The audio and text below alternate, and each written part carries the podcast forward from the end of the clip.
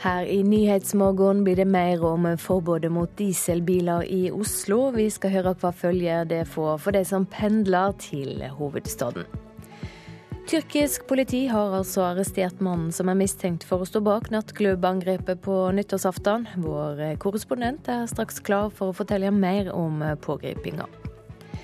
Miljø- og klimaobservasjoner i Arktis skal brukes for å gjøre oljeutvinning, shipping og turisme mulig. Og de bløte konsonantene på Sørlandet er i ferd med å dø ut, men lokale språkentusiaster nekter å gi opp kampen. Riktig god morgen i studio i dag, Silje Sande. For en halvtime siden starta forbudet mot å kjøre dieselbil i Oslo. Det er altså ikke lov å kjøre med dieselbil på kommunale veier før luftkvaliteten eh, er blitt bedre. Dermed må mange regne med å finne andre måter å komme seg inn til eh, byen i dag. Vi skal høre hvordan det er for de som pendler fra Vestfold. Reporter Helene Rønning, blir det ekstra trangt på togene fra Tønsberg nå i morgenrushet? Ja, NSB forventer faktisk en litt større uh, mengde folk som kommer til å ta tog i dag. Men foreløpig, med de togene som har gått så tidlig i dag, så har det vært ganske stille. Nå går det et uh, direktetog herfra nå om en uh, åtte minutter. Og det er et jevnt tilsig av folk. Og så står jeg her med William. Hva er grunnen til at du ikke kjører bil i dag? Uh, Dieselforbud. Er det det? Ja. Men du skal til Sandvika likevel? Ja. Jeg må ta en liten D-tur, men ja, det går bra. Ja. Eh, pleier du noen ganger å kjøre bil til Oslo? Ja, av og til. Men tog er litt enklere. Det er det, ja. ja. Eh, når var det du bestemte deg for å ta nei, tog isteden? I går. I går. Ja. ja. Etter at disse forbudene blir meldt. Ja.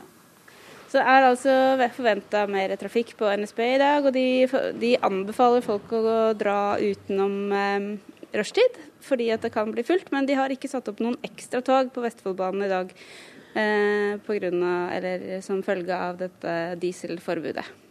Takk skal du ha, reporter Helena Rønning. Og nå i morgentimene er det, ifølge Oslo kommune og Statens vegvesen sine målinger, låg uregning, men det er varsla at en vil nå rødt nivå ved åttetida. Og i eh, Politisk kvarter så spør vi om det kan bli politisk krise i Oslo, Håvard Grønli? Ja, luftkvalitet og dieselforbud, eller dieselbilforbud, skaper jo både sykdom, logistikkfrustrasjon og politisk uro. Men det som kan skape politisk krise, det er søppelberget som har hopa seg opp gjennom høsten etter at det nye renovasjonsfirmaet har hatt enorme innkjøringsproblemer. Det er Ap, SV og MDG som styrer hovedstaden med støtte fra Rødt, men i går truga Rødt med mistillit mot byråden som har ansvaret for søppelet. Rødt, Ap og Høyre kommer i debatt hos oss. I Politisk kvarter kvart på åtte.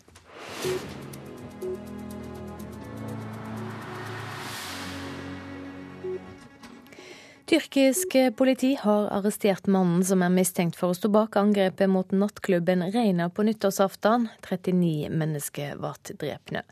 Den mistenkte ble funnet i et husvære i Istanbul sammen med den fire år gamle sønnen sin. Med nå korrespondent Sissel Wold fra Istanbul. Politiet har jakta på mannen i over to uker. Hvor ble han funnet? Ja, Han ble funnet i eh, Esenyurt. Dette er en bydel på europeisk side her i Istanbul, ikke veldig langt fra Atatürk internasjonale flyplass. Han er tidligere identifisert som Abdulkader Mashapirov, og han er osbekisk statsborger.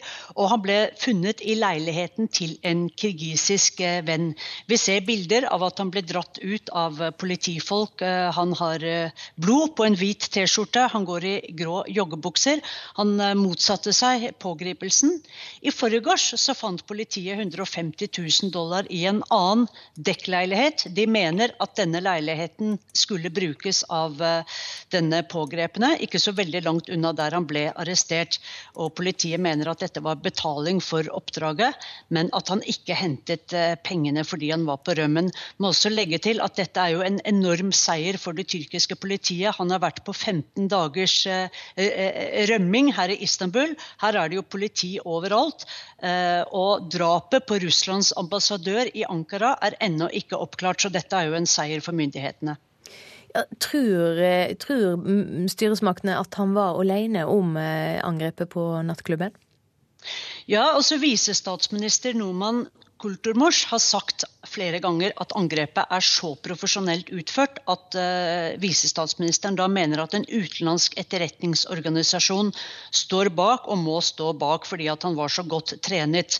Politiet sier at denne Eh, tilhører usbekiske grenen av IS. Men spørsmålet er jo om han opererte alene. Hadde han en medhjelper i Reina som hjalp han inn? Ble han trent opp i Syria? fordi han var jo veldig profesjonelt eh, eh, trent. Han opererte veldig raskt. Han var inne i Reina bare syv minutter. Eh, og like ved Reina så ligger det også en politistasjon, så det er mange spørsmål som må besvares nå som han er arrestert. Men også flere andre fra Sentral-Asia Sentral skal være arresterte? Ja, denne mannen er da uigur. Og i, i, Istanbul så bor det en uh, relativt stor gruppe av uigurer, som er en tyrkisktalende uh, folkegruppe fra Sentral-Asia. Og flere av de andre som ble arrestert, de er uigurer eller statsborgere fra Kirgisistan. Eh, også kona hans er blitt arrestert tidligere. Og etter angrepet så tok denne mannen da en taxi til en kafé som var drevet av uigurer, og ba de ansatte betale for denne taxien. Men de sier at de ante ikke hva han har vært borti, de er ikke involvert i dette. Så politiet har da arrestert denne mannen sammen med sin fire år gamle sønn. Eh, og de fant ham for et par dager siden, eh, ifølge politiet, men de slo til først i natt fordi de har fulgt bevegelsene hans, og de mener at dette er gjerningsmannen bak massakren. Takk eh, så langt, korrespondent Sissel Wold. Vi skal ta en kikk på avisframsidene. VG skriver om kampen mot bybilistene. I 2007 sa politikerne 'velg diesel'. I 2017 sier de 'ikke kjør'. Bergen femdobler bompengene, Trondheim gjeninnfører piggdekkavgift, og i Oslo er det dieselforbud fra i dag. Også Aftenposten trekker fram regjeringas oppfordring fra 2007 om å kjøpe dieselbil. Da avgifta ble kutta, skjøt salet i været, og tallet på dieselbiler i Oslo ble mer enn dobla på få år. Og i dag må folk altså la bilen stå. Bakeren Gjermund Østby tapte 37 millioner da firmaet mista leveranser til dagligvarekjeder. Det er en høyrisikosport å levere varer til kjedene, sier han til Dagens Næringsliv. Nå har Østby starta ei uavhengig kafékjede. Torfinn Andersen ble knivstukken i november. Nå kjemper han for lokalsykehuset i Odda. Hadde det ikke vært akuttkirurgi i Odda, hadde jeg vært død, sier han til Nasjonen. Nordlys skriver om en asylfamilie som er råka av ny politikk fra regjeringa. Fra nyttår kan ingen familie i mottak få mer enn 10 000 kroner i måneden. Nå må seksbarnsfamilien i Skibotn velge mellom mat og medisiner. Over 10 000 av Avinors parkeringsplasser ved Gardermoen har formelt ikke vært lov å bruke siden 2012, skriver Finansavisen. Avinor, som har tjent millioner av kroner på plassene, tar selvkritikk fordi de ikke oppdaga at den kommunale dispensasjonen gikk ut. 1,2 millioner nordmenn kan juble for børsen, forteller Dagbladet. 2016 var et gullår for din pensjon, men det er ingen garanti for at oppturen varer.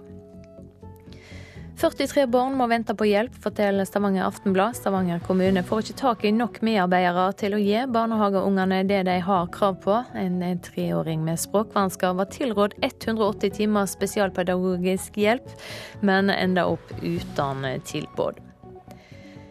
Mennesker er skyld i vår tids største globale problem, og derfor er det viktig å satse mer på humaniorafagene. Det sier forskningsleder David Butz Pedersen til Vårt Land. For første gang har vi makt, mer makt over utviklinga enn det naturen hittil har hatt. Det er et stort ansvar, og vi har ikke lov å feile, sier Pedersen, som har doktorgrad i filosofi. En fersk rapport om arbeidstilhøvet i lufta viser mer sosial dumping i flybransjen, skriver Dagsavisen. Ifølge rapporten har nær 40% av flygerne i lågprisselskap en form for atypisk tilsetting. Og seks av de åtte selskapene som vil konkurrere om jernbanedrift i Norge, er statlige, skriver Klassekampen. Jernbaneforbundet mener det er ubegripelig at Norge skal gi statssubsidier til giganter som er finansierte av stormakter. Vi skal ha sport nå, og i dag er det en ny kamp for de norske håndballherrene. De møter Brasil, og både spillerne og trener Christian Berge er bundet på en tøff og annerledes kamp. Og jeg syns Brasil eh, ser gode ut. Eh, det kommer til å bli en helt annen type håndballkamp, så vi er, eh, så vi er nødt til å, å bruke masse tid på, på, analysen, sånn at vi er best mulig forberedt før matchen. Det sier Bjarte Myrhol om dagens håndballkamp mot Brasil. Etter søndagens tap mot vertsnasjonen Frankrike blir dagens kamp en nøkkelkamp for veien videre i VM. Også trener Christian Berge er forberedt på tøff motstand. Brasil er et fysisk lag, eh, spiller offensivt forsvar. Eh, mange lag gjør veldig mye tekniske feil mot Brasil eh, pga. det offensive forsvaret og får mange kontramål imot. Så, så det, er et, det mot et bra lag, og det er, det er en formidabel oppgave igjen. NRKs håndballekspert Håvard Tveten tror selvtilliten Brasil tar med seg fra seier i forrige kamp, kan gjøre det enda vanskeligere for de norske gutta å slå brasilianerne. Brasil er jo et lag som klarte å vinne over Polen, og sånn sett kom med masse selvtillit og med masse å spille for. Gode spillere, spesielt Toledo på høyrebekken, er spennende spillere som vi må følge godt med på. Men til tross for tøff motstand gleder spillerne seg til den viktige kampen. Kent Robin Tønnesen spår en jevn og spennende kamp. Spiller kanskje litt annerledes enn det vi er vant med. Ehm, men eh, ja, som jeg sier, det kommer til å bli tøft. Det kommer til å bli jevnt, tror jeg. Så eh, det gleder vi oss til. Og håndballkampen kan du høre på NRK Sport klokka 14. Reporter Ida Høydalen. Du hører på Nyhetsmorgen. Klokka er straks 6.45. Luftureninga i Oslo er venta å komme opp på rødt nivå i løpet av morgenen. I dag er det forbudt å kjøre dieselbil i byen. Tyrkisk politi har arrestert mannen som er mistenkt for å stå bak nattklubbangrepet på nyttårsaften. Og straks skal vi høre at eldre på sykehjem i Stavanger har gått på kurs for å lære om gatekunst og graffiti. Mange er spente på hva som kan komme til å skje når Donald Trump blir tatt i aid som amerikansk president på fredag. Børsene i verden er på historisk høye nivå, men nå tror flere økonomer at det snart kan komme et minikrakk. Og kanskje bør vi være budde på mer urolige tider. Altså, det er alltid en fare for, for eh, korreksjon, og det er spesielt en fare for korreksjon når aksjer ifølge liksom, de aller fleste målestokker ikke er rimelige.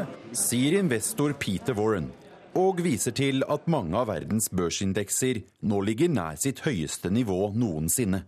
Men aksjenestoren ber folk være forberedt på mer jojo-kurser, både opp og ned. Altså det, det virker som markedet ikke tar inn over seg, det er det er usikkerhet. Altså at det kommer til å svinge mer. Og det må vi være forberedt på. Harvard-professor Kenneth Rugoff møter NRK på Skagen-konferansen i Oslo. Den anerkjente økonomen tror Trumps innsettelse som president fredag kan øke nervene hos mange investorer. As the early days of his presidency come, uh, people will start to become more nervous about some of the downside risks, whether it's trade protectionism, erratic international policy, um, undermining of U.S. institutions. Do you see a potential for a correction quite soon? Absolutely. Uh, I mean, it feels to me that markets have reached the point where they priced in everything good that Trump might do, and they haven't priced in the things that were negative. De fleste har allerede regnet inn alt godt som kan følge av president Trump mens alt det negative med bl.a. handelspolitikk og uberegnelig oppførsel ennå ikke har påvirket aksjekursene, sier Rogoff. Og mange analytikere deler frykten for et kommende minikrakk på børsene.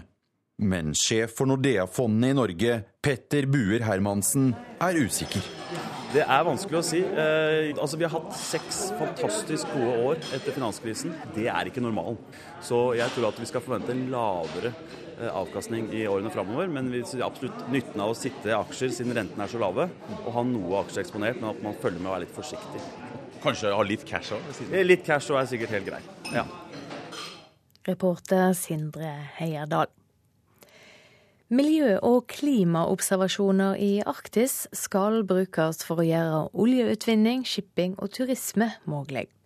Det er et naudsynt paradoks for å få gjort klimaforskning, sier professor Stein Sandven ved Nansen-senteret i Bergen.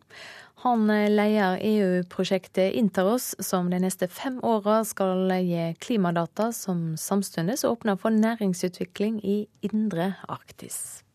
Vi forventer økt aktivitet i det indre av Arktis fra næringsinteresse. og Derfor så trenger vi data i det området. Hva de trenger for å operere trygt i Arktis. Da spesielt eh, shipping, fiskeri og mineralutvinning, olje og gass.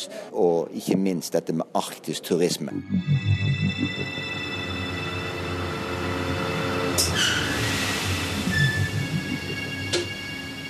Da olje- og energiminister Ola Borten Moe åpna oljemessa i Stavanger i den rød-grønne regjeringsperioden, fikk han spørsmål om hvor langt nord han vil slippe petroleumsindustrien.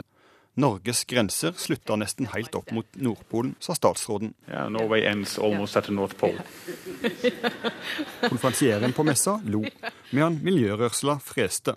De neste fem åra skal Nansen-senteret i Bergen koordinere EU sitt store program Intaros for å øke miljø- og klimaobservasjonene i indre Arktis. Da er næringsinteresser minst like viktige som klimaforskning, sier Sandven. Du må ha business case. Det er kanskje på en måte enda viktigere. Det er spesielt Norge da, som satser på å være ledende på ressursutnyttelse. Men du ser også andre land nå er jo interessert i næringsutvikling i Arktis. Olje og gass er jo bare ett stikkord der, og det er jo kontroversielt pga. Eh, forurensningsproblematikk og alt det der. Blir det opplevd som et paradoks eller et dilemma i forskningsmiljøet? Ja, altså det blir jo litt eh, paradoks, fordi at eh, vi trenger mer data for Arktis for å forstå klimasystemet bedre. Og som kjent så er jo Arktis det området vi har størst global oppvarming nå. Men hvem skal investere i den forskningen, og hvem skal investere i disse observasjonssystemene? Du må ha noe sånn business case for at du skal virkelig få, få satsing. Det sa Stein Sandven ved Nansen-senteret til reporter Leif Rune Løland. De blaute konsonantene på Sørlandet er i ferd med å dø ut, men lokale eh, språkentusiaster nekter å gi opp kampen. Nå vil de dekorere det nye parkeringshuset i Kristiansand med sørlandske kraftuttrykk, for å få flere til å bruke dialekt. Altså, jeg ønsker at det blir noen blaute konsonanter på veggene. Noen eh, tekster, kanskje fra noen eh, gamle dager eller fra nye dager. Men, men, vi må ha det der sørlandske språket. Birgitte Kleivseth er bibliotekar og forfatter og svært glad i sørlandsdialekter. Nå vil hun dekorere veggene i Kristiansands nye parkeringshus med sørlandske uttrykk. Det kan jo være det en sørlending eller to som hytter litt med nevene og sier kanskje 'forbanka' eller 'jeg var så sinna at jeg nesten sa noe', eller noe sånt. Vi kan leke litt med disse fordommene om sørlendinger. Sier Kleivseth. For fem år siden starta hun en kampanje for å redde de blaute konsonantene og få flere sørlendinger til igjen å si bådis, kage og pebber. Det er viktig å ta vare på dem, for det er en del av vår identitet her nede på Sørlandet. Altså Historiene våre, historien vår, den er med blaute konsonanter. og, og eh, det er noe med det sørlandske som på en måte blir beskrevet gjennom det språket. da. I tillegg til foredragsvirksomhet og høy aktivitet i sosiale medier, er det blitt flere bøker om de blaude konsonantene. Jeg begynte jo med, Vi ga ut boka med 1000 blaude konsonanter, men i år fant vi at det er for vanskelig, så nå ga vi rett og slett ut ei pekebok med ti ord med blaude konsonanter. Men så er jo poenget da at når det da forsvinner fra språket vårt, eh, så er det kanskje enda viktigere at vi har noen steder der vi kan se det i skrift sånn at vi kan ta vare på noe av det typisk sørlandske. Og et av stedene hvor hun gjerne vil se sørlandsk skrift, er på veggene i parkeringshuset som for tida bygges under bakken midt i Kristiansand sentrum. Parkeringshuset skal stå klart til sommeren. Ja, Det høres ut som en eh, idé som vi har lyst til å se nærmere på. Sier daglig leder Jon Bjørgum i Torvparkering AS. De arbeider med flere innspill og ideer til utsmykking, og Bjørgum kan ennå ikke si hva de faller ned på. Men han liker tanken på å ta i bruk lokale ord og uttrykk. Vi har jo sett at de har gjort noe tilsvarende i Stavanger. I fjor ble veggene i parkeringshuset som ligger under Valbergtårnet i Stavanger malt i friske farger, og dekorert med historiske tekster og lokale lokale uttrykk. Alt på stavangerdialekt, sier Christian Tønnevold. Mange av disse gamle uttrykkene har en tendens til å bli litt glemt. Sier Tønnevold, som er daglig leder i Stavanger parkering. Så Vi har lyst, rett og slett lyst til å dra de fram igjen opp i lyset. Og det er nok en del yngre folk i, i byen her som kanskje ikke er så godt vandra med de gode gamle uttrykkene. De blaute konsonanter kom til Sørlandet for 700 år siden. Akkurat nå er de i ferd med å forsvinne. Sier Birgitte Kleivseth. Så det er noe med å ta vare på det som har vært. Kanskje en slags gjenbruk da, av språket. Reporter Miriam Grov. Du knytter kanskje ikke gatekunst og graffiti til gamle folk, men i Stavanger har de eldre på sykehjemmet nå fått lære om denne kunstforma nå i vinter. Gatekunstfestivalen Nuart har hatt flere workshops og forelesninger for å inkludere og inspirere de eldste i byen. Jeg er så kjempeglad for at jeg i dag kan ønske velkommen til Priscilla Serrano, som skal holde et foredrag her om Nuart. Nuart om eh, gatekunst. På Bergåstjern sykehjem i Stavanger har et tjuetalls beboere og dagsenterbrukere benket seg til med rullatorer og rullestoler for å høre om gatekunst. Vær så god, Priscilla. Aktivitetsleder på sykehjemmet Rita Skrøder synes de gamle fortjener noe mer enn bare trekkspill og andakt, og har takket ja til tilbudet fra Stavangers egen gatekunstfestival. Fordi at jeg opplever at de eldre, er, mange av de er veldig åpne og veldig eh, tolerante. De syns det er kult med gatekunst. Jeg ser Når jeg er ute og kjører tur med bussen og har de med, så er det mange som syns at dette er fint, og de syns det er spennende og, og har en nysgjerrighet. Og jeg tenker den må vi jo la de få lov til å beholde så lenge som mulig. Har dere hørt om gatekunst før? Med støtte fra programmet Den kulturelle spaserstokken i Stavanger kommune har festivalen Nuart i vinter hatt flere workshops og forelesninger på sykehjem. Det forteller kunstner og undervisningsansvarlig i Nuart, Priscilla Serrano. For å inkludere folk.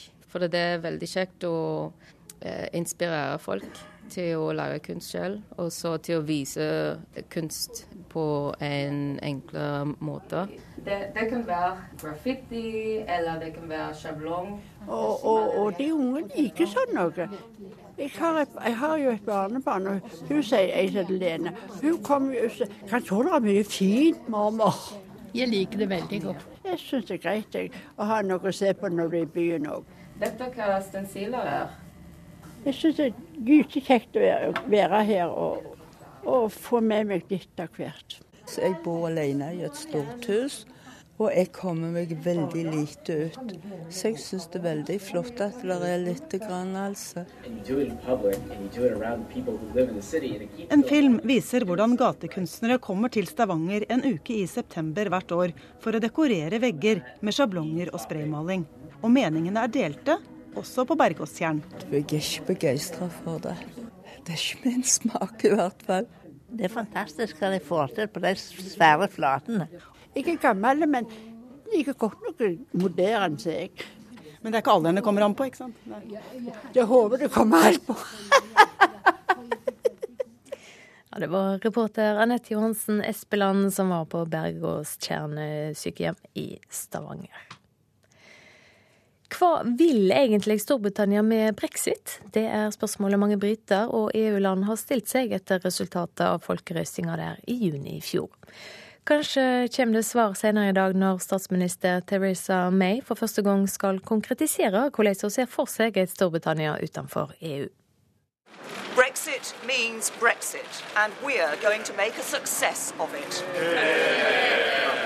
Brexit betyr brexit, og vi skal gjøre en suksess ut av det. Setningen falt bare minutter etter at Theresa May overtok som britisk statsminister i fjor sommer, og er strengt tatt omtrent det eneste vi vet om den britiske regjeringens strategi for den kommende utmeldelsen fra EU. Og om drøye to måneder starter de sluttforhandlingene. Den samme statsministeren har nemlig lovet at hun iverksetter artikkel 50 i Lisboa-traktaten innen utgangen av mars, og det er selve utmeldelsesmekanismen i EU. Brexit means Brexit.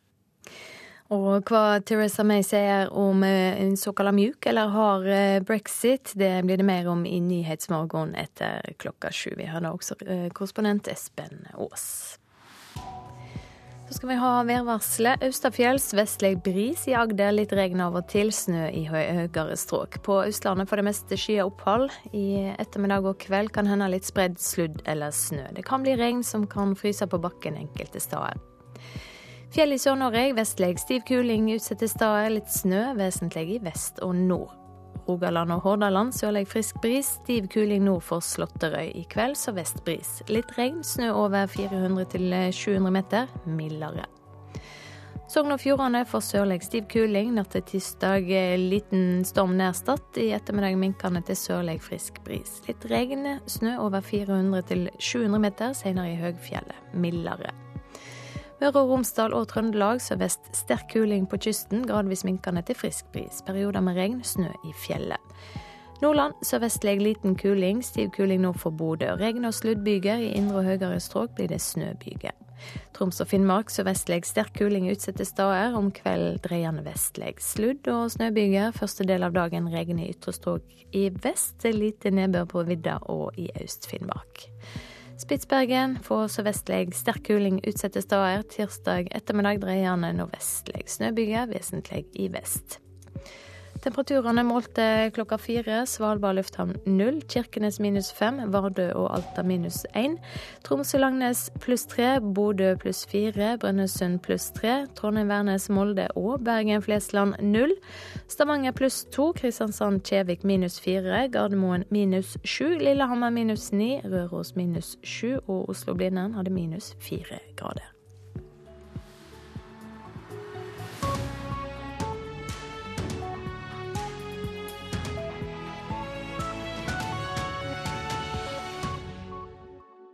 Politikere, forfattere, næringslivsfolk. Du har et inntrykk av hvem de er, men hvem er de egentlig? En helt ny portrettserie på NRK P2 med Harald Eia og Nils Brenna. Vi har latt dem ta en grundig vitenskapelig test som presist måler deres personlighet.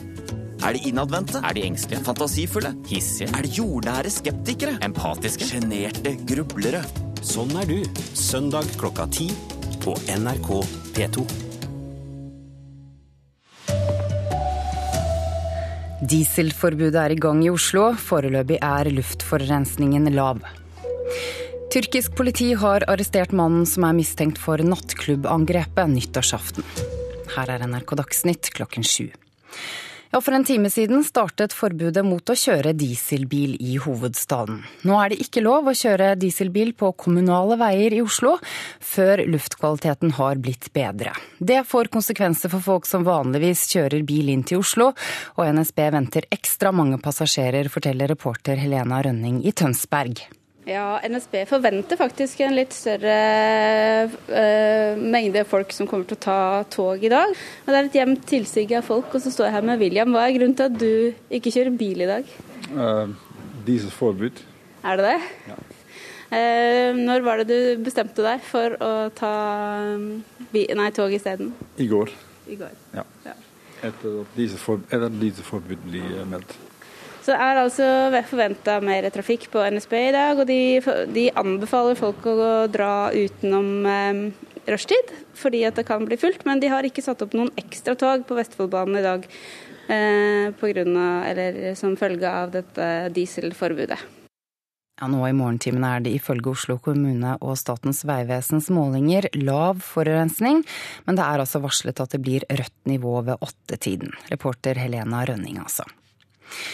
Mannen som tyrkisk politi tror drepte 39 mennesker på en nattklubb i Istanbul nyttårsaften, er pågrepet. Den mistenkte er usbekisk statsborger, forteller korrespondent Sissel Wold. Han er tidligere identifisert som Abdulkader Mashapirov, og han er usbekisk statsborger. Og han ble funnet i leiligheten til en kirgisisk eh, venn. I forgårs så fant politiet 150 000 dollar i en annen dekkleilighet. De mener at denne leiligheten skulle brukes av eh, denne pågrepne, ikke så veldig langt unna der han ble arrestert. Må også legge til at dette er jo en enorm seier for det tyrkiske politiet. Han har vært på 15 dagers eh, rømming her i Istanbul. Her er det jo politi overalt, så dette er jo en seier for myndighetene.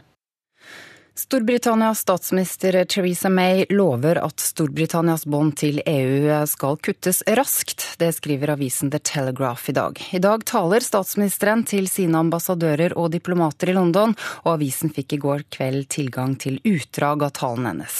Budskapet er at eh, Storbritannia ikke vil bruke en modell som andre land allerede bruker, og landet kommer heller ikke til å forsøke å holde på deler av medlemskapet. NRK Dagsnytt, Ida Creed.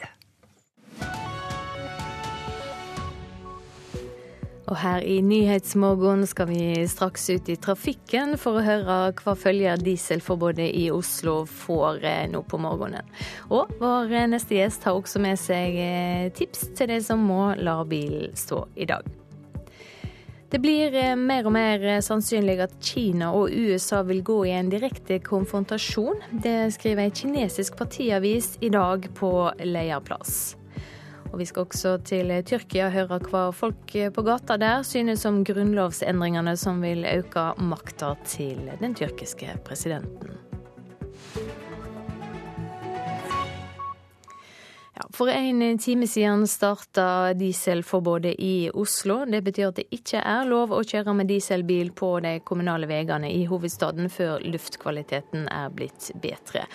Med meg nå, reporter Kaja Figenschou, du er på plass i Asker. Hvordan eh, merker en eh, dette forbudet der? Her så strømmer passasjerene på. Det er ikke så veldig mange flere passasjerer enn det som vanligvis eh, kommer en tirsdagsmorgen. Det er fortsatt mye parkeringsplasser eh, ledige i parkeringshuset. Sånn at det er ikke de store forskjellene. Altså, man merker ikke dette dieselforbudet helt enda her i Asker. Hva sier folk du har snakka med om eh, dette? Passasjerene som står og venter på togene, de sier at de var veldig spente i dag på hvor mange flere kom det til å stå på perrongen. Eh, de er også litt sånn overraska over at det ikke er så mange flere her enda. Mulig at eh, dieselbileiere sitter og klør seg i hodet nå og lurer på hvordan i all verden de skal komme seg til byen. Eller kanskje noen velger også å ha hjemmekontor. Eh, for folk er litt letta. De får fortsatt sitteplasser på togene. Så får vi se. Kanskje dette endrer seg utover i morgentimene. Men det er plass til flere på parkeringsplassen i, i Asker, altså? Ja da, her eh, bør det fortsatt være plass for de som eh, vil parkere, i hvert fall på Asker stasjon. Og så spørs det hvordan det er på innfartsparkeringene nærmere Oslo-grensa. Takk så langt, reporter Kaja Figenschou. Det foreløpige dieselforbudet i Oslo kan redde liv, det mener Astma- og Allergiforbundet. Ifølge Folkehelseinstituttet dør 185 mennesker i Oslo for tidlig hvert år som følge av dårlig luft. Du må passe deg. Du må passe deg. Pappa Emil André Erstad ber nå å passe seg for trafikken på vei hjem fra barnehagen. På dager med høy luftforurensning blir astmaen hans verre, forteller Erstad. Han hoster jo veldig mye. Det er hele tida. Hver natt eh, og kveld så hoster han ofte så mye sånn at han eh, våkner av det og sliter med å få sove. Her en kveld, så, eh, for noen dager siden, så hosta han så masse at han kasta opp. Fra i dag har Oslo kommune lagt ned et midlertidig kjøreforbud for dieselbiler på kommunale veier. Riktignok med mange unntak. Forbudet kan redde liv, mener assisterende generalsekretær i Astma- og Allergiforbundet, Bogledic. Det er en direkte kobling mellom luftforurensningen og dødeligheten, for tidlig død. Han viser til en rapport fra Folkehelseinstituttet som viser at 185 Oslo-borgere dør for tidlig hvert år pga. svevestøv. Mange som følge av en forverring av allerede eksisterende plager. Sånn at I ytterste konsekvens så vil jo et dieselforbud som dette kunne redde liv ved at færre eh, ender opp i den statistikken. For sånne korte episoder så er det som sagt de, de følsomme, de som fra før er sårbare, som vil bli sykere. Det sier seniorforsker ved Folkehelseinstituttet Marit Låg, som har vært med på å lage rapporten om luftforurensning i Oslo. Hun mener selv kortvarige strakstiltak som et dieselforbud vil ha en positiv effekt for de sykeste. Hvis luftforurensningen reduseres, så vil selv en reduksjon av såpass korte episoder som det er snakk om her, da, én til to døgn, så vil det føre til en redusert risiko for å få astmaanfall hos astmatiske barn. Da. Hvor mange biler er det her? Klarer du å telle dem? Nei, det er for varmt. Hvor mange er det? For tre år gamle Noah er det nødvendig med ekstra pustemedisiner i perioder hvor luftforurensningen er høy. Men foreløpig er det ikke aktuelt for den lille familien å flytte ut av byen. Vi bor i Oslo, studerer her og jobber her. så da blir det vanskelig å flytte ut av Oslo. Enn så lenge håper pappa Erstad at dieselforbudet skal gjøre Oslo-lufta bedre for sønnen. Jeg er ikke sikker på om det er det eneste som virker, men eh, jeg er veldig positiv til de tiltakene som kan få ned forurensningen. Reportere Kristine Hirsti og Kristine Næss Larsen. Et tips til dieselbileiere som ikke kan bruke bil i Oslo i dag, er å slå seg sammen med en nabo eller en kollega og kjøre sammen. Potensialet for samkjøring er stort, for vanligvis i rushtida er sjåføren alene i seks av sju biler. Vi skal høre litt fra en kampanjefilm i regi av Statens vegvesen, og der oppdager Narvestad, kjent fra TV-serien Borettslaget, fordelene ved samkjøring, og han prøver å rekruttere naboene. Du, Kilstad? Kilstad? Hei, skal du på jobben? Ja, jeg skal bare levere jentungen i barnehagen. ja, Men du, eh, hvor skal du hen, da? Jeg skal til Rykken. Jeg skal du til Jeg skal til motsatt side. Jeg skal til Mortensrud. Mortensrud? Ja, Men du, vent litt, da. Mortensrud. Da kan du, du kan jo sitte på med meg til, til Rykken, og så kan du ta T-banen tilbake til uh, Mortensrud. Det er fryktelig tungvint. Ja, Ivar Kristiansen, sjefingeniør og seniorrådgiver i Vegdirektoratet. Velkommen til Nyhetsmorgen. Det ønsker å få til samkjøring i langt større grad enn i dag. Hvorfor det? Jo, Generelt så ser vi jo at utnyttelsen av passasjersetet i, i privatbilen, særlig rushtiden, er veldig lav. Vi ligger på et belegg i, i vanlig eh, rushtrafikk gjennomsnittlig i Norge på 1,15. Eh, altså det er 0,15 passasjer per bil. Og da har vi jo egentlig en stor eh, ekstra reserve. Og når vi nå ser og forventer at transportbehovet vil øke i de store byene, så er det en god idé å utnytte også personbilkapasiteten. Selv om vi har sagt, og politikerne har bestemt, at vi skal ta økningen med kollektivtrafikk og sykling og gåing. Hva må til da for å få folk til å kjøre sammen? Ja, det er eh, Vi trenger noen sånne initiativ som Narvestad gjør. Ta tak i naboen. I dag så må de jo finne naboen med elbil eller bensinbil, men eh, Eh, eller arbeidskolleger. Eller så er det en god idé at det blir satt i gang noen stimuleringstiltak. Det kan gjøres på arbeidsplasser, og det kan gjøres også av det offentlige, som gir noen insentiver for å samkjøre og utnytte uh, det, dette potensialet. Hva, hva, kan det være? Hva kan arbeidsplassen gjøre? Jo, arbeidsplassene eh, kan i forbindelse med mobilitetsplaner eller, eller fokus på, på transporten de, de bidrar til, Eh, F.eks. legge til rette for at de som samkjører, de får gratis parkering, eller de får eh, reserverte parkeringsplasser. Eh, eller at det er belønningsordninger på annen måte, konkurranser eller annet. Eller at de etablerer Facebook-sider eller annet som matcher tilbud og etterspørsel på en god måte. Vi har jo sett at delingsøkonomien er på full fart inn i samfunnet vårt. Kan det også føre til mer samkjøring? Ja, vi tror det. Det er en eh, trend at eh, man er villig til å dele. Og antagelig vil det slå ut også i eh, å, tørre å slippe noen fremmede eller ikke altfor kjente inn i, inn i bilen sin. Vi ser også en trend internasjonalt, noe man kaller mobility as a service, som, som er en sånn utvikling mot at det skal være lett å shoppe ulike typer transporttjenester. Den ene dagen vil jeg sykle, og neste dagen vil jeg kanskje ha leiebil, og så er jeg kollektivtrafikant resten av uken. At man er eh, mobilist og ikke eh, sitter i en bås som bilist eller, eller syklist. Hva er det beste tipset ditt til folk som eh, er i Oslo nå og som har problemer med å komme seg fram? Jo, øverst på listen så står vel 'kan jeg ta hjemmekontor i dag'? Trenger jeg å reise? Det er vel det første. Det andre er 'jeg bør prøve kollektivtrafikk'. Det er ikke det, eh, det, tyder på at det er kapasitet nok. Og dernest så er det dette, denne matchingen. Har jeg en nabo, har jeg en kollega, kan jeg ta en ringerunde? Kan jeg prøve Facebook-vennene mine? Det bør være mulighet til å finne eh, noen å sitte på med. Takk for at du kom til oss, Ivar Kristiansen. Du hører på Nyhetsmorgen. Klokka er eh, tolv minutter over sju.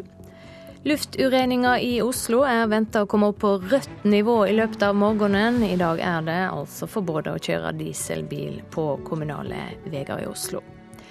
Tyrkisk politi har arrestert mannen som er mistenkt for å stå bak nattklubbangrepet på nyttårsaften. Og om litt skal vi til Skjervøy i Troms, der det nå er et eventyrlig torskefiske. Først nå til Kina. Det blir mer og mer trolig at Kina og USA kommer til å gå i en direkte konfrontasjon. Det skriver den kinesiske partiavisa Global Times i dag på lederplass. Avisa skriver at Kina nå må bu seg på å møte kraftige provokasjoner fra den påtroppende Trump-administrasjonen. Og hva er det som har utløst disse skarpe reaksjonene, Asia-korrespondent Peter Svaar? Eh, ja, Det er jo flere ting. Man har jo merket seg her eh, at eh, alle Trumps rådgivere nå er kjent for å være svært Kina-kritiske, i hvert fall de som skal ha med handel og eh, Asia- og stillehavsområdet å gjøre. Eh, hans utenriksministerkandidat Rex Tillerson sa i sin eh, høring forrige uke at USA bør nekte Kina adgang til de kunstige øyene som Kina har bygget i Sør-Kina-havet. Og så er det jo det kanskje mest alvorlige, nemlig at Trump nærmest har åpnet eh, Taiwan-spørsmålet igjen, sagt at ett-Kina-politikken er til forhandling, og at han ikke er bundet av den dersom Kina ikke samarbeider om handel og slutter å svekke svekke sin eh, valuta. Så Det kan jo se ut eh, nå som at forholdet mellom USA og Kina er raskt på vei inn i en alvorlig krise, i hvert fall på høyde med eh, den krisen som var i Taiwanstredet i 1995-96. Men kan vi også se for oss en militær konfrontasjon? Ja, det er mulig, og den kan komme i Taiwanstredet, slik den gjorde for litt over 20 eh, år siden. Der har også den kinesiske partipressen nå den siste måneden tatt eh, stadig sterkere til orde for at Kina bør forberede seg på å bruke militær makt i eh, Taiwan-spørsmålet, mens Taiwans president Tsai Ing-wen jo jobber for større uavhengighet fra fastlandet og kan tenkes å bruke dette vinduet som er skapt av Trumps uttalelser til å oppnå det. Den andre muligheten er Sør-Kina-havet, der konfiskerte kinesisk marineskip bare for noen uker siden en amerikansk undervannsdrone som den amerikanske marinen hevdet at ble brukt til forskning og måle saltvannsnivåer og litt forskjellig sånt. Kineserne leverte tilbake dronen en ukes tid etterpå, men også USAs såkalte navigasjonsfrihetspatruljer i dette havområdet skaper jo jevnlig spenning nå med kinesisk marine, og det er ikke så lang vei før det kan bli en konfrontasjon. Donald Trump har jo trua med straffetoll på utenlandske varer. Kan det føre til handelskrig, og hvordan vil den i så fall se ut? Ja, Wall Street Journal skriver i dag at uh, myndighetene her i Beijing har satt ned en egen gruppe som skal regne på konsekvensene av en handelskrig med USA, og hvordan Kina kan uh, svare. Men både Kina og USA er jo medlem av Verdens handelsorganisasjon. Det betyr at det ikke er fritt frem for en ny amerikansk administrasjon å innføre tollsatser. Dette er veldig komplisert og internasjonalt eh, regelverk. Uansett kan jo Kina også svare, og trolig vil eh, den amerikanske flyprodusenten Boeing og dataselskapet Apple være blant de selskapene som først blir rammet. De omsetter begge for milliarder av dollar her i Kina hvert år. slik at dersom det blir en tollmur mot kinesiske varer nå, så vil også mange amerikanske selskaper merke det på sitt salg til Kina.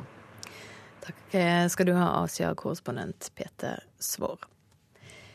Hva vil egentlig Storbritannia med brexit? Det er spørsmålet mange briter og EU-land har stilt seg etter resultatet av folkerøstinga der i juni i fjor. Kanskje kommer det svar senere i dag når statsminister Theresa May for første gang skal konkretisere hvordan hun ser for seg et Storbritannia utenfor EU.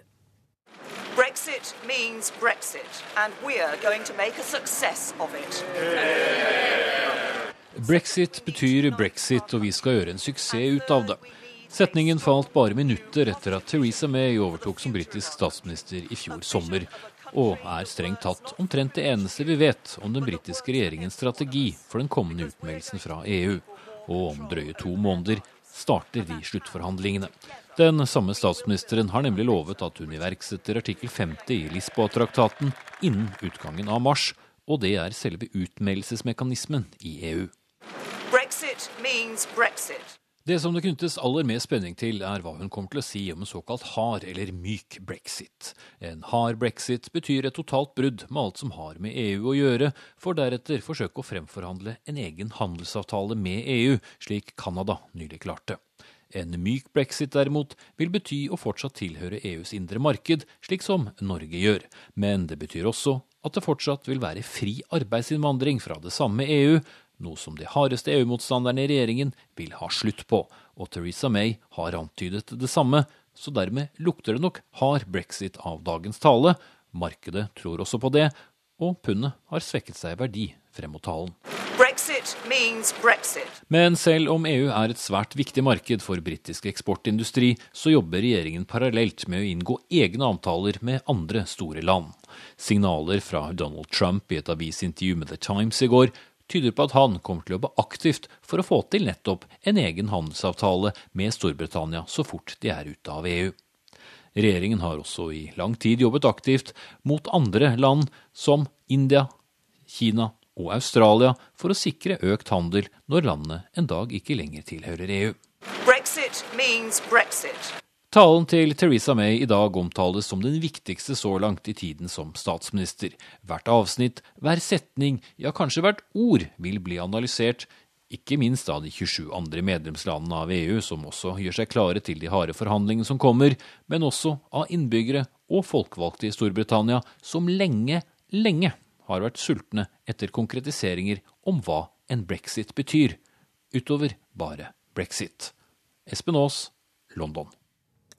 Så til Tyrkia. Et flertall i den tyrkiske nasjonalforsamlinga støtter endringene i grunnlova som vil gjøre president Recep Tajib Erdogan mye mektigere. Til våren skal tyrkerne røyste over reformer i ei folkeavrøysting. Opposisjonen frykter at den nye grunnlova er første steg på vei til et diktatur. På gata i Istanbul er det delte meninger om det nye systemet. Serdal Dan bruker bred teip for å feste maiskolber til trallen sin for å vise at han selger varme mais. Mens folk hutrer forbi i regnværet, spør vi hva han syns om at president Erdogan snart samler all makt på sine hender og at han kan bli sittende som president helt til 2029.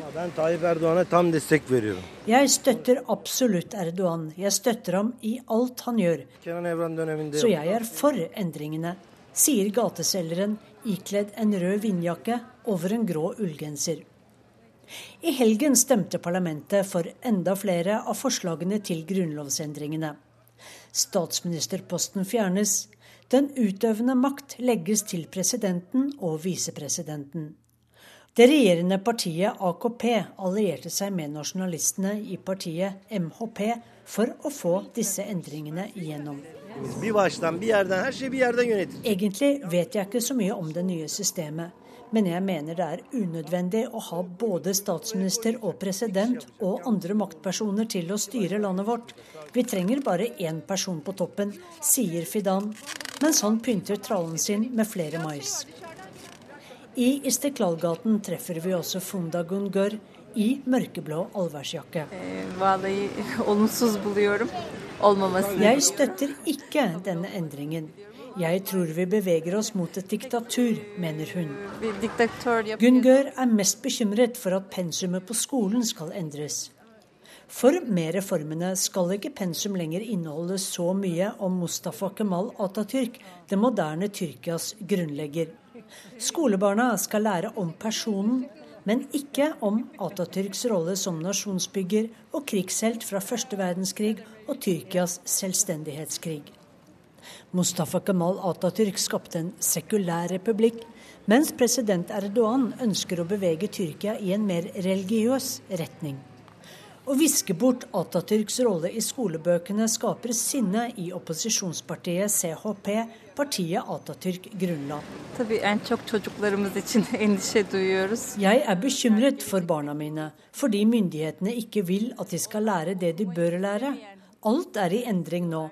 Jeg tror de vil ødelegge hele systemet skritt for skritt, sier tobarnsmoren fra Istanbul til NRK. Men bak maisvognen finnes det ingen bekymring. Verken hos Sedal eller hans to venner. De stoler på Recep Tayyip Erdogan fullt og helt. Fordi han har karisma, og vi liker måten han representerer Tyrkia på. Den tidligere statsministeren vår, Bulent Ecevit f.eks., så veldig liten ut ved siden av USAs presidenter. Mens Erdogan, han fyller rommet. Korrespondent Sissel Wold rapporterte fra Istanbul. Så tar vi med at nesten eh, tre år etter at Malaysia Airlines-flyet eh, forsvant, har Australia, Malaysia og Kina innstilt undervannssøket etter MH370. Og En tror at eh, flyet styrta i Indiahavet. Det var 239 mennesker om bord. Det blir mer om dette i Dagsnytt klokka 7.30.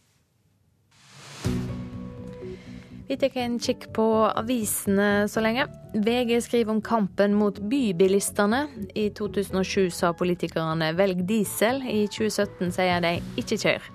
Bergen femdobler bompengene. Trondheim gjeninnfører piggdekkavgift, og i Oslo er det dieselforbud fra i dag. Også Aftenposten trekker fram regjeringas oppfordring fra 2007 om å kjøpe dieselbil. Da avgifta ble kutta, skjøt salget i været, og tallet på dieselbiler i Oslo ble mer enn dobla på få år. Bakeren Gjermund Østby tapte 37 millioner da firmaet mista leveranser til dagligvarekjeder. Det er en høyrisikosport å levere varer til kjedene, sier han til Dagens Næringsliv. Nå har han starta ei uavhengig kafékjede. Torfinn Andersen ble knivstukken i november. Nå kjemper han for lokalsykehuset i Odda. Hadde det ikke vært akuttkirurgi i Odda, hadde jeg vært død, sier han til Nasjonen.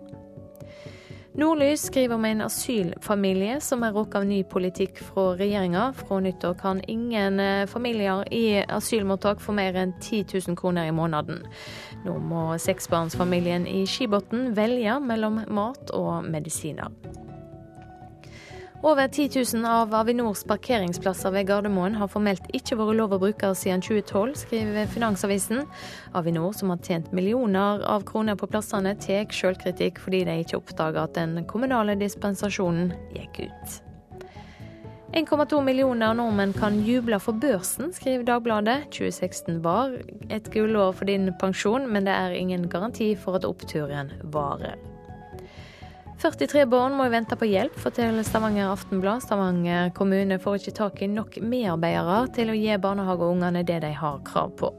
En treåring med språkvansker var tilrådd 180 timer spesialpedagogisk hjelp, men enda opp eh, med ingenting. En eh, fersk rapport om arbeidstilhøva i lufta viser mer sosial dumping i flybransjen, skriver Dagsavisen. Ifølge rapporten har nær 40% av flygerne i lågprisselskap en form for atypisk tilsetting.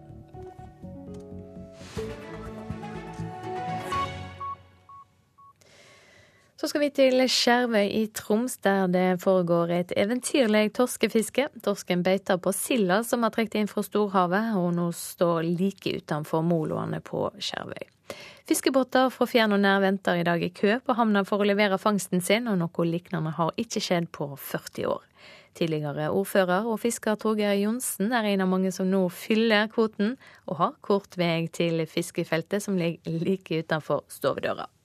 At det er fisk i fjorden genererer jo arbeid, og at vi har fiskebruk som tar imot fisken er jo veldig viktig. For, til, til, og med for torsken inn her, rett utenfor stuedøra vår, første dagen i januar. Altså, Vi er jo født, og vi er jo på den grønne greien, egentlig. Vi står på kaia på fiskebruket på Skjervøy og tror nesten ikke det vi ser.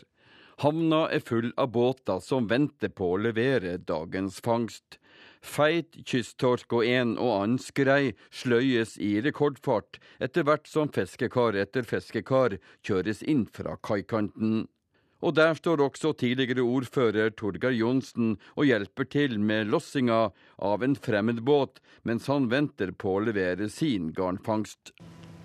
Her er det kø om å få levert. Her er det kø, ja. Det er helt eventyrlig.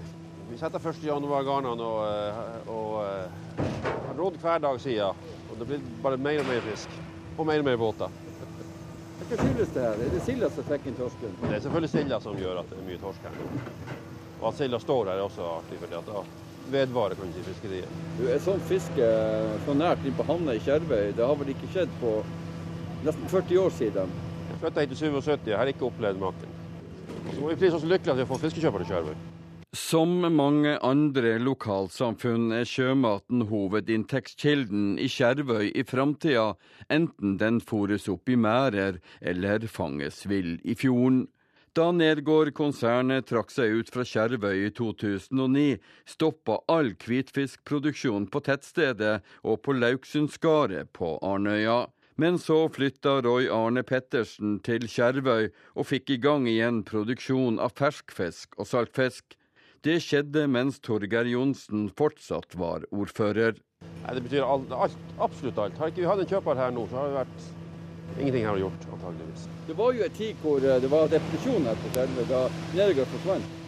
Jo da, men vi hadde jo kjøper en stund her, men, eh, men eh, så rakna jo det forholdet med, med, den kjøperen vi hadde, kan du si. Og, og, jeg er utrolig glad for at vi fikk en kjøper på plass igjen. Hva du sier til at det også kommer et uh, klippfisktørkeri her? Ja, Det er jo helt fantastisk. Helt fantastisk.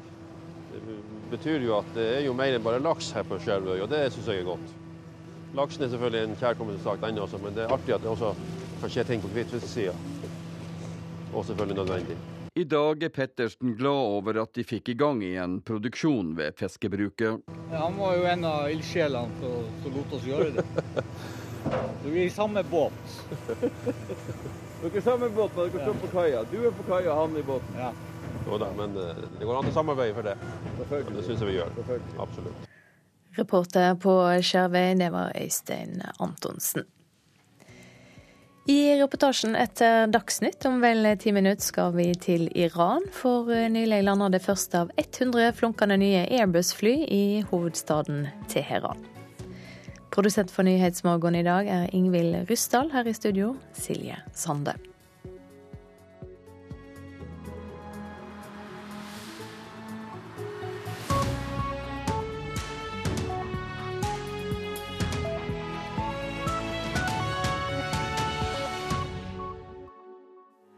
Spillerom i dag. Konsertserien Puck har i ti år vært Trondheims viktigste boltreplass for den frie, improviserte musikken. Der du møter morgendagens musikk, den du ikke visste du likte. Men hvilke spor har scenen satt i norsk musikkliv, lurer vi på i Spillerom i dag. Fra 11 til 12, Spillerom på NRK P2.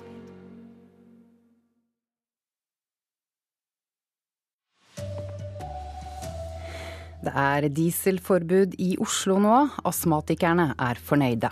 Det er en direkte kobling mellom luftforurensningen og dødeligheten. For tidlig død.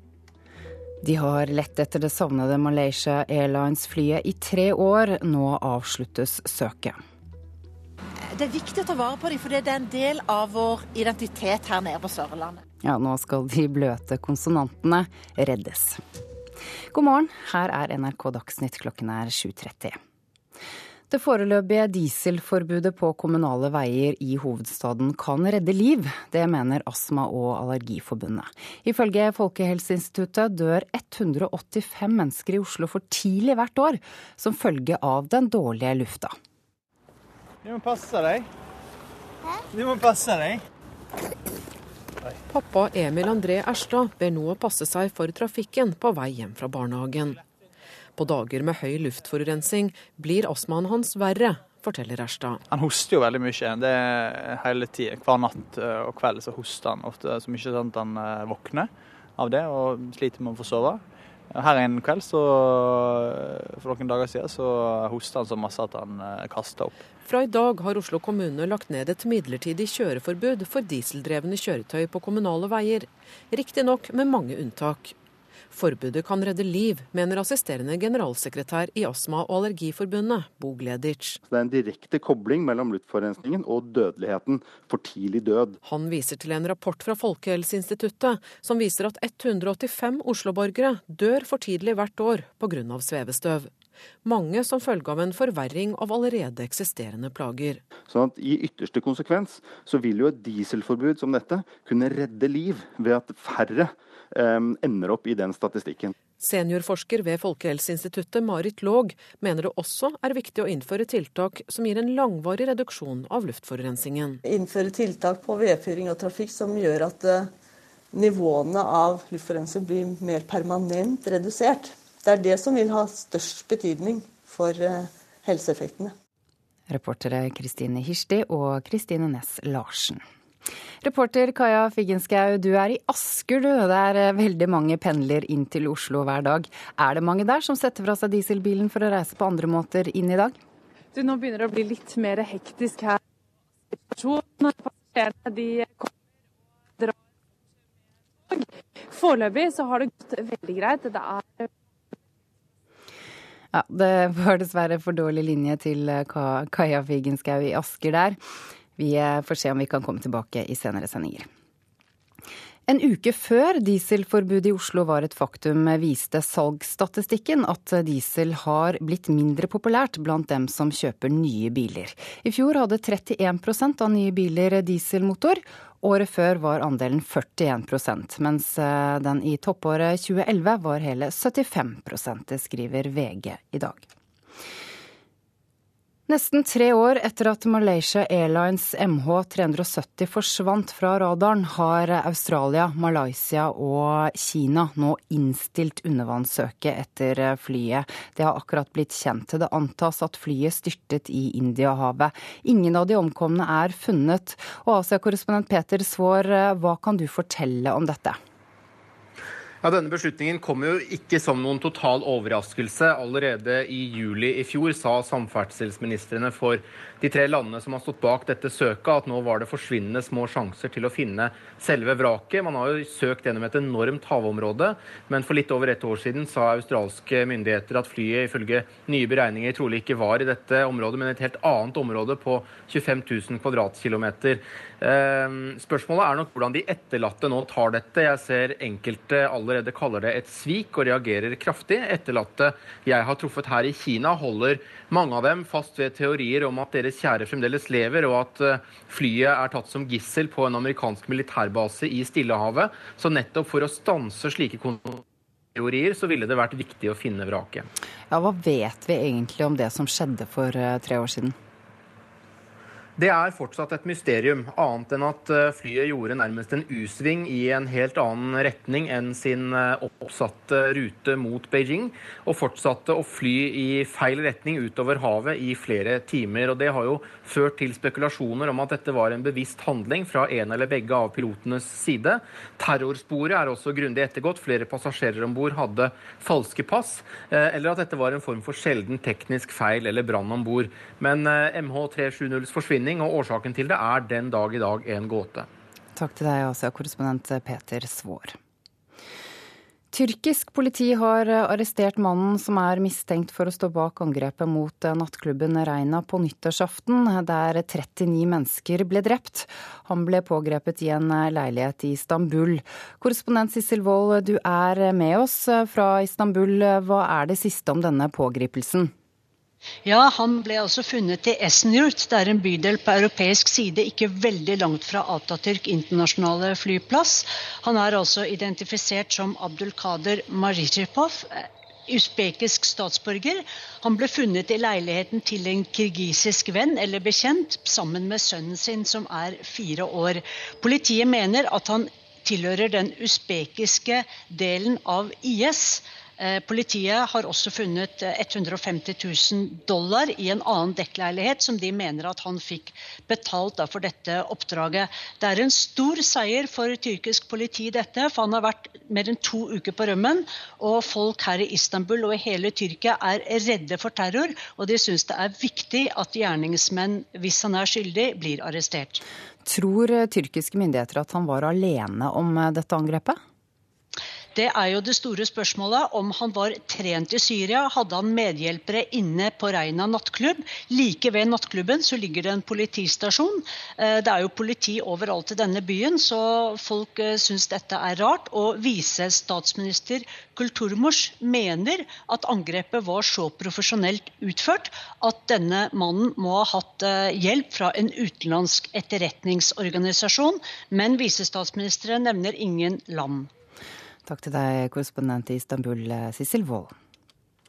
Storbritannias statsminister Teresa May lover at Storbritannias bånd til EU skal kuttes raskt. Det skriver avisen The Telegraph i dag. Hun taler eh, til sine ambassadører og diplomater i London senere i dag, og avisen fikk i går kveld tilgang til utdrag eh, fra talen hennes. Budskapet er at Storbritannia ikke vil eh, bruke en modell som andre land allerede bruker, og landet kommer heller ikke til å forsøke å holde på deler av medlemskapet. I Oslo tingrett må den eh, korrupsjonstiltalte tidligere politimannen Eirik Jensen fortsette å svare på Spesialenhetens spørsmål bak lukkede dører i dag. Det tok lengre tid enn først ventet å stille spørsmålene om temaer som kunne true sikkerheten til hasjsmugler Gjermund Cappelen, som også er tiltalt. Spesialenheten for politisaker vil ha svar på hvordan kontakten var mellom Jensen og Cappelen i månedene før politiet slo til mot eh, hasjsmugleren 19.12.2013. 2013. De bløte konsonantene på Sørlandet er i ferd med å dø ut, men lokale språkentusiaster nekter å gi opp. Bibliotekar og forfatter Birgitte Kleivseth er blant dem som vil dekorere det nye parkeringshuset i Kristiansand med sørlandske kraftuttrykk. De håper dette kan få flere til å bruke sørlandsdialekten. Det kan jo være det er en sørlending eller to som hytter litt med nevene og sier kanskje 'forbanka' eller 'jeg var så sinna at jeg nesten sa noe' eller noe sånt. Vi kan leke litt med disse fordommene om sørlendinger. Sier Kleivseth. For fem år siden starta hun en kampanje for å redde de blaute konsonantene og få flere sørlendinger til igjen å si bådis, kage og pebber det er viktig å ta vare på dem, for det er en del av vår identitet her nede på Sørlandet. Altså historiene våre, historien vår, den er med blaute konsonanter. Og, og eh, det er noe med det sørlandske som på en måte blir beskrevet gjennom det språket. da. Og et av stedene hvor hun gjerne vil se sørlandsk skrift, er på veggene i parkeringshuset som for tida bygges under bakken midt i Kristiansand sentrum. Ja, Det høres ut som en eh, idé som vi har lyst til å se nærmere på. Sier daglig leder Jon Bjørgum i Torvparkering AS. De arbeider med flere innspill og ideer til utsmykking. De blaute konsonanter kom til Sørlandet for 700 år siden. Akkurat nå er de i ferd med å forsvinne. Sier Birgitte Kleivseth. Så det er noe med å ta vare på det som har vært. Kanskje en slags gjenbruk da, av språket. Reporter her var Miriam Grov. Så har vi nettopp fått inn melding om at Miljødirektoratet tillater lisensfelling av ytterligere tre ulver utenfor ulvesonen i deler av Akershus og Hedmark. Og dette blir det helt sikkert debatt om senere i, i Dagsnytt utover morgenen. Ansvarlig for NRK Dagsnytt i dag er Arne Fossland. Jeg heter Ida Creed.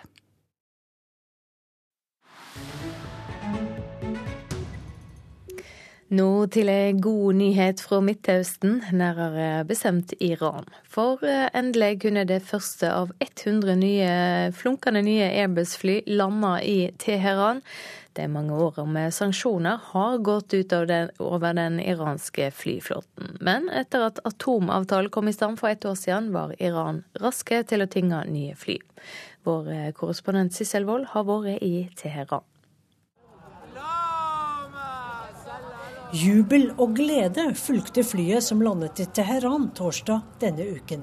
Et svært etterlengtet øyeblikk for iranerne. Da Airbus-flyet med Iran Airs logo takset bortover rullebanen, ble det hyllet med vanndusj. Men ingen champagne, for dette er tross alt Den islamske republikken. Piloten åpnet vinduet til cockpiten og veivet smilende med et iransk flagg. Vi er enormt glade i dag, for det første av flyene våre er levert, sa Iran Airs styreformann Farhat Parvaresh i en hangar fullsatt med prominente gjester. Nå håper han at også resten av ordren leveres uten flere utsettelser. Også Airbus-sjefen hadde en god dag på jobben. This is one of the most significant deals dette er en av de mest betydningsfulle avtaler i historien til den sivile luftfarten, sa direktør for Airbus, Fabrice Brechier. Men veien fra Airbus hovedkvarter i den franske byen Toulouse og til Mehrabad-flyplassen i Teheran har vært lang.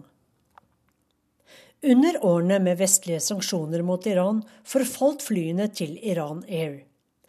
De fikk verken reservedeler eller nødvendig vedlikehold, og gamle fly ble ikke byttet ut. Passasjerer som kunne, unngikk Irans statlige flyselskap i frykt for at flyene ikke var i god nok stand til å være i lufta. Og hva er vel verre enn å føle seg utrygg i et fly i 10 000 meters høyde? Etter år med forhandlinger ble det internasjonale samfunnet enig med Irans regjering om å avvikle sanksjonene mot at Iran åpner sitt atomprogram for inspeksjoner. Iran skulle igjen få bli en del av det internasjonale markedet. Få uker etter at avtalen var trådt i kraft 1.1 i fjor, bestilte iranske myndigheter nye fly. Men som Airbus-sjefen sier, det har vært skjær i sjøen. We had to get the detailed authorizations Vi måtte vente på klarsignal fra USA for å få lisensene til å eksportere flyene. Og allerede i dag skal den nye stoltheten til Iran Air på vingene med 189 passasjerer. Det historiske suset av flyet er en viktig seier for president Hassan Rouhani. Han har vært under press fra et utålmodig folk som vil se resultater av atomavtalen. Men om en uke blir Donald Trump president i USA. Milliardær Trump, som har sitt eget fly, har sagt at han vil endre avtalen med Iran. Iran, som venter på 99 fly til, håper inderlig at avtalen holdes. Vi håper at USA vil stå ved sine inngåtte avtaler når en ny administrasjon tar over, sier Irans transportminister Abbas Akondi. Og Airbus-sjefen vil gjerne kunne levere resten av denne store og historiske bestillingen. Ett fly er levert. Nå venter iranske flypassasjerer spent på de neste 99 flyene. Du hører på Nyhetsmorgen. Klokka nærmer seg 7.45. Luftureninga i Oslo er venta å komme opp på rødt nivå i løpet av morgenen. I dag er det forbudt å kjøre dieselbil i byen. Og det midlertidige dieselforbudet kan redde liv, det mener Astma- og Allergiforbundet. Nesten tre år etter at Malaysia Airlines-flyet forsvant, har nå Australia, Malaysia og Kina innstilt undervannssøka etter flyet. Miljødirektoratet tillot lisensfelling av ytterligere tre ulver utenfor ulvesonen i deler av Akershus og Hedmark. Nå er det klart for Politisk kvarter. Programleder i dag er Håvard Grønli.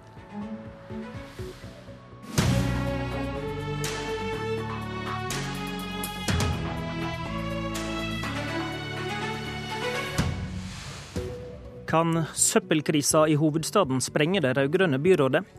Rødt truger med mistillit, men hvorfor skal de kaste en rød-grønn miljøbyråd hvis de har rett i at problemet er en politisk arv fra Høyre?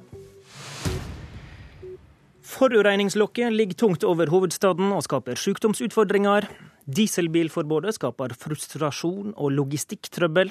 Samtidig har søppelet hopa seg opp i søppelkasser og portrom gjennom høsten. Velkommen til Norges Napoli. Stakkars, stakkars Oslo. Selv om dieselsaka er den folk sikkert er mest opptatt av akkurat nå, så er det altså søpla som kan skape politisk krise i hovedstaden. Bjørnar Moxnes, partileder i Rødt og gruppeleder for bystyregruppa til partiet. I går truga du med mistillit mot samferdsel- og miljøbyråd Lan Marie Nøyenberg. Hvorfor fant du grunn til det? Fordi det vi har sett med Veireno, det er systematisk sosial dumping.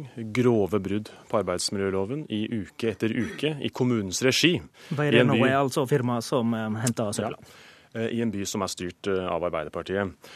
Det burde ikke være tvil om at avtalen med et sånt firma, som er ansvarlig for grove lovbrudd, bør heves. At vi ikke skal premiere selskapet og dets eier Jonny Enger ved å videreføre kontrakten fram til 2021, sånn som Høyre-byrådet sørga for å signere rett før de tapte valget i 2015.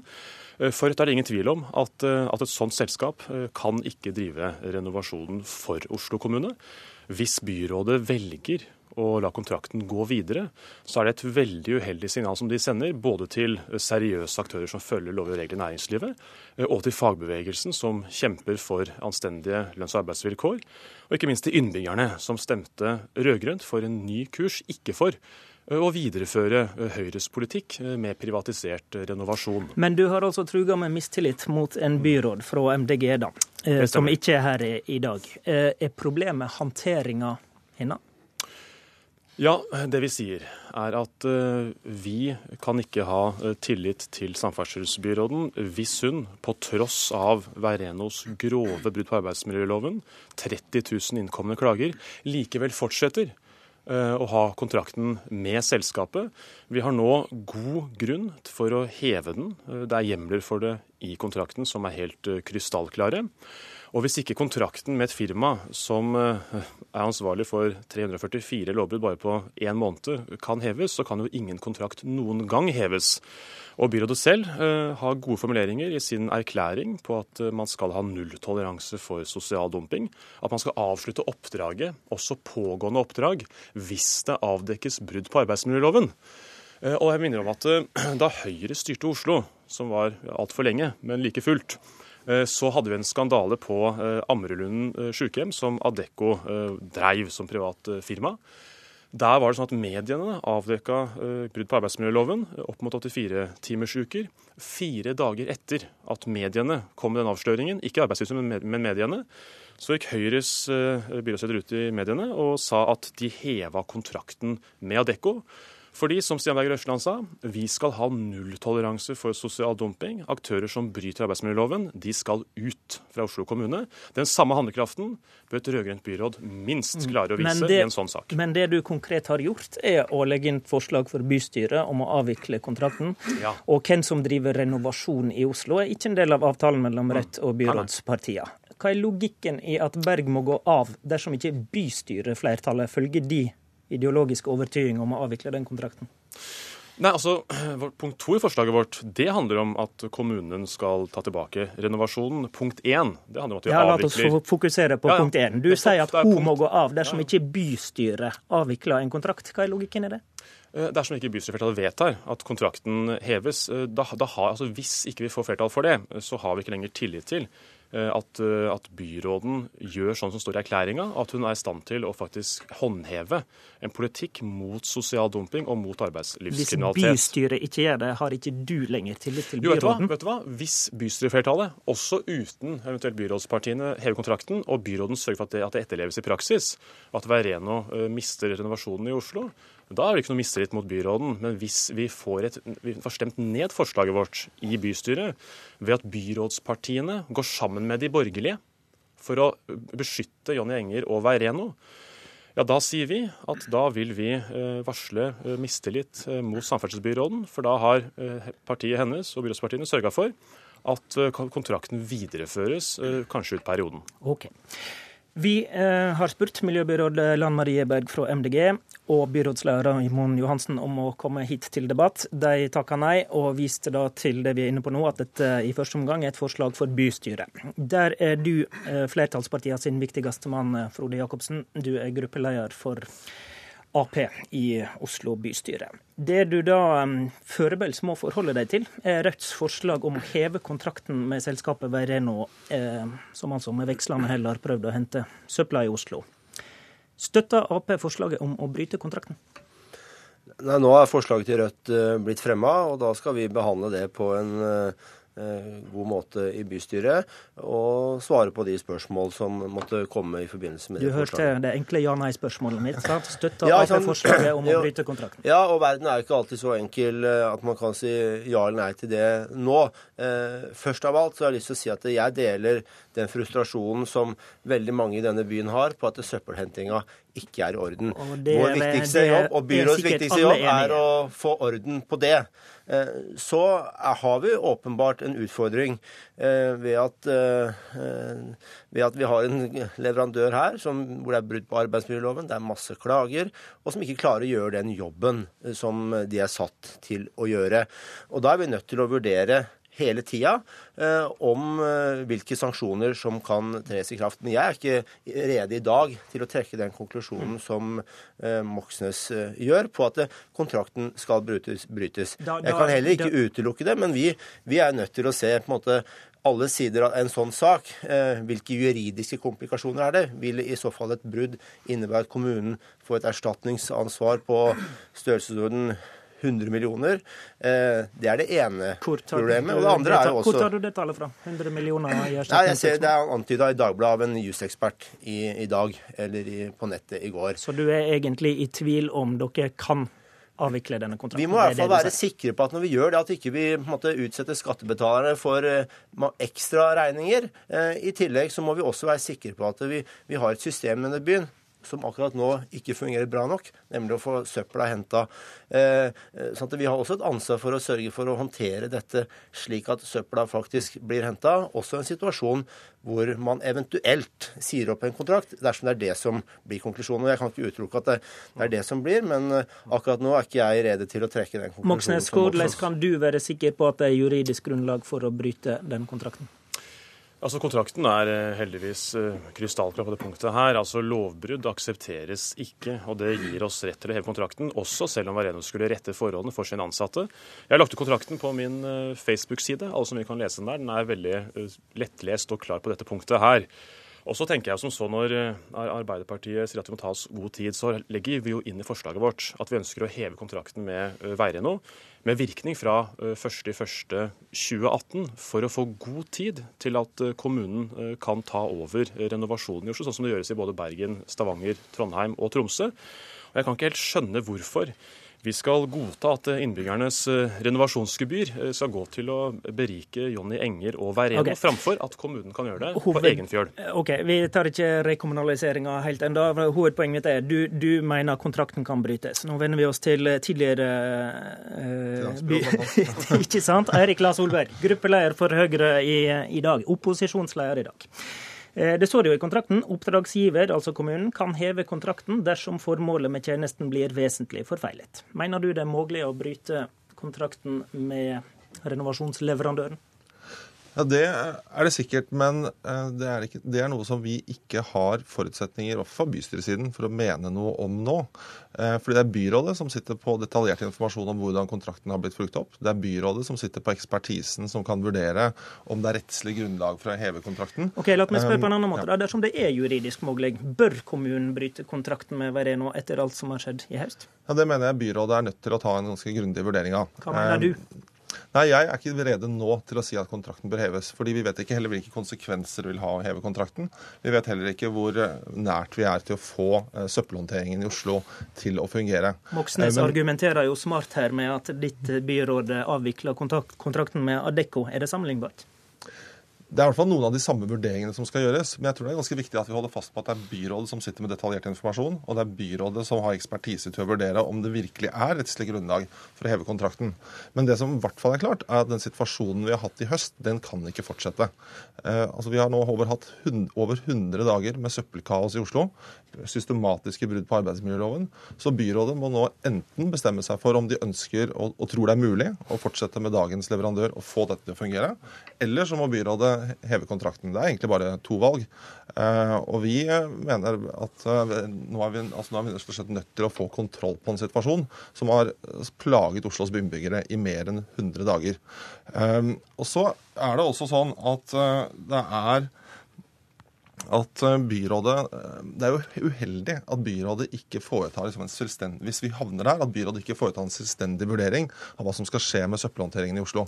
Vi har sett gang på gang nå at Rødt har presset byrådet til å føre en politikk som ligger ganske langt til venstre for det velgerne i utgangspunktet Men handler ikke dette om at ditt byråd innførte en kontrakt med en useriøs leverandør? Dette handler om at Oslo kommune i 25 år har hatt eh, konkurranseutsetting av søppelhåndteringen. Den var innført av Raymond Johansen da han var samferdsel- og miljøbyråd, og den har stort sett fungert godt.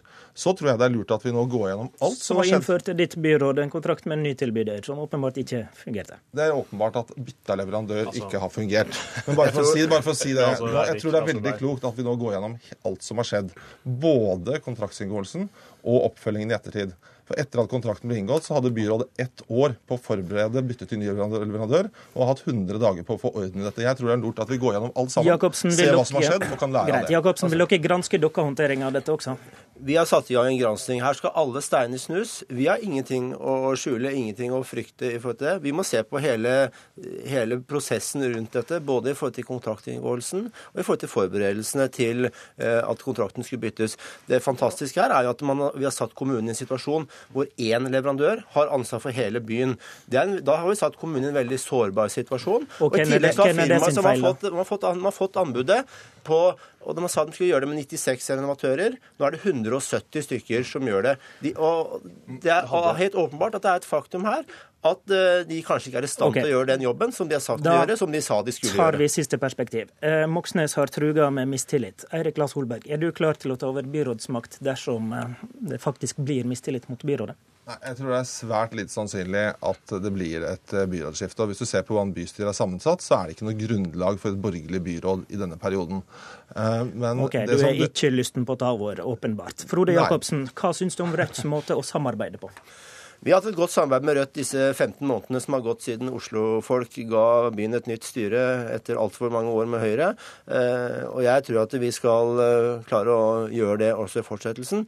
Eh, akkurat denne saken skulle jeg jo ønske at vi hadde hatt en dialog med Bjørnar noe tid i forkant av at de leverte inn dette forslaget. Men nå har de gjort det, og da skal vi håndtere det på en ryddig måte.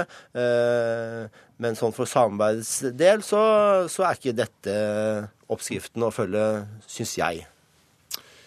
Jeg har fått uh, veldig mange henvendelser fra innbyggere som sier at uh, endelig finnes et parti som uh, vil handle, og som setter makt bak kravet om at Veireno må ut. Forslaget vårt betyr at vi gir landets største kommune like lang tid som vi i sin tid ga Jonny Enger på å forberede å ta over renovasjonen.